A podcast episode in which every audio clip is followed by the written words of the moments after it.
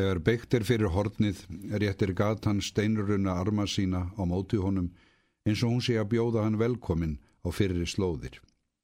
Eins og djúft og þraungt hamragil klýfur hún húsaraðirnar sem þrengja að henni báðu megin. Gömul hús, elliblökk og hrum halda þar dauðahaldi í fornan virðuleik en eiga orðið í vök að verjast. Innra með þeim er þó mannlífið alltaf samt við sig þótt ártölinn breytist. Hvaða erindi á hann hingað þvert ofan í fyrri ásetning að líta þessa götu aldrei framar. Í marga mánuði hefur hann ekkert frétt af þessum slóðum og það hefur ekki kvarlað að honum að senda þanga svo mikið sem fáin orð á brefspjaldi. Hann hafði ásett sér að gleima henni, afmá hanna úr vitundinni eins og hún hefði aldrei verið til. Hann þarnaðist hennar ekki lengur. Þau átt að vera skilin að skiptum í eitt skipti fyrir öll. En þessi gata let ekki snúa á sig. Hún helt áfram að minna á sig eins og rukkari sem sífæltar að ganga eftir gamalli skuld og ágengni hennar verður ekki rekin og dyr nema með því einu að sækja hana heim og kvitta endanlega fyrir gömul viðskipti. Madame kemur sjálf til dyra þegar hann ringir dyrabjöllinni. Nýbúin að leggja síðustu hönd á útlitt sitt fyrir þann daginn. Hún hefur bætt á sig holdum og var hún þó ekki mösulbeina fyrir. Hár hennar hefur breytt um lit til að yngja útlitt hennar en þrátt fyrir þau litaskipti og íburðarmikla andlitsmörninguna tekst henni ekki að halda hörnur holdsins í skefjum. Annars er hún söm við sig og ljómi einlægninnar í augum hennar er ósveikinn þegar hún ber kjensl á gestin. Jésús Marja, rópar hún upp yfir sig, er ekki Íslendingurinn komin aftur og svona fítn og flott. Það er varðla ég trúi mínum eigin augum. Þegar Monsiur fór sagði við sjálfa mig, Monsiur kemur áraðanlega aldrei aftur. Það kemur engin aftur þegar hann er einu sinni farin. Ég var döðrætt um að Monsiur erði jétin upp til agna af Ísbjörnum þegar hann kemi heim til sín. En heilu Guðsmóður hefur bænhirt mig og haldið verndarhendi sinni yfir honum. Jésús Marja, hvernig fer ég að? Herbergið leikt og engin smuga laus. Engar áhyggjur, madam. Ég er ekki í húsnæðisræki þessa stundina. Leit bara inn til að hilsa upp á yður og þakka yður allt gamalt og gott. Ófallegt af yður, monsjör. Þér verðið að tilliður stundarkorn því þér hljótið að vera orðin þreyttur komin alla leið frá Íslandi. Ég á einhver stað rauðvinslösku. Á því miður ekki annað núnað því lækniri minn segir að ég þól ekki stert. Hæstalagi dróp á rauðvinni einu sinni eða tvísvar á dag. Dapurlegt líf fyrir einmanna konu. Skál, monsjör, dásanlegt að þér skildu mun eftir mér. Þér spyrir, monsjör, Hvað ég segi fréttum, heilaga Guðsmóður, hvað ætti ég að segi fréttum? Hér gerist aldrei neitt, nýjir leyendur koma í stað þeirra sem fara, en þeir eru allir eins, svo ég er hægt að þekka þá í sundur. Einu munurinn á þeim er sá að sumir standa í skilum og húsaleguna, en aðrir gera það ekki. Þeir verða auðvitað að verða sér út um annað húsnæði. Leiðilegt mónsjör að gamla herbergið eða skuli vera leikt þessa stundina. Besta herbergið í húsinu. Ég hef ekki efnað því að láta herbergi standa auð upp á von og óvon þegar margir er um bóðið. Monsiur veit auðvitað að Madame Monsell flutti viku eftir að Monsiur fór, alveg fyrir var á laust og skildi ekki eftir sig miða til að láta vita hvert hún flytti.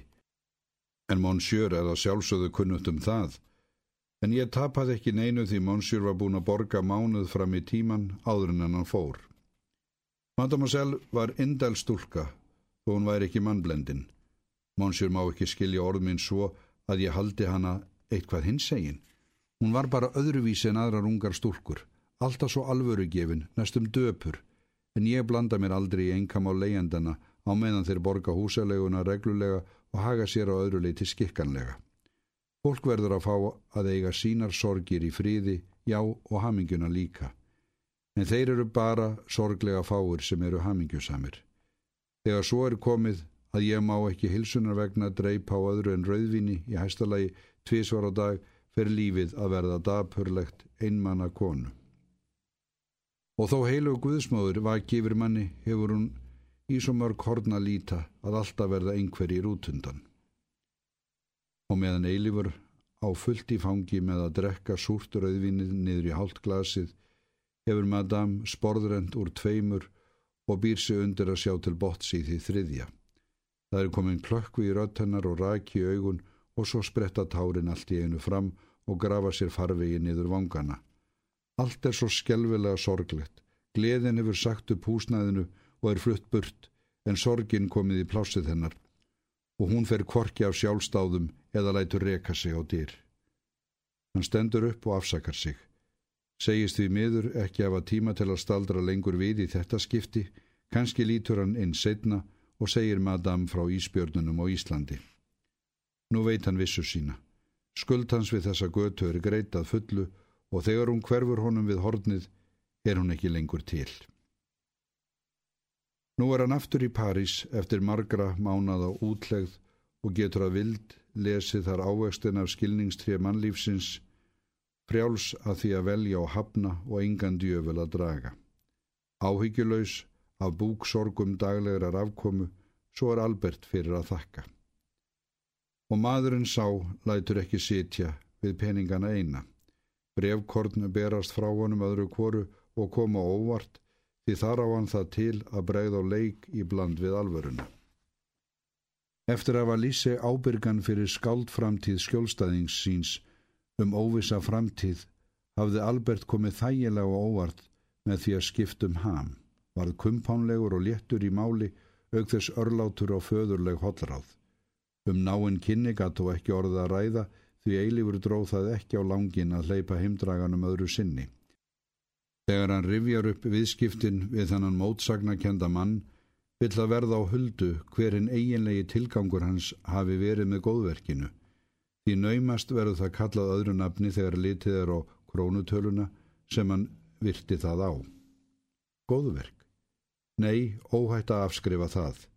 Albert leggur ekki fjárfestinga þessu tægi í þeim tilgangi einum.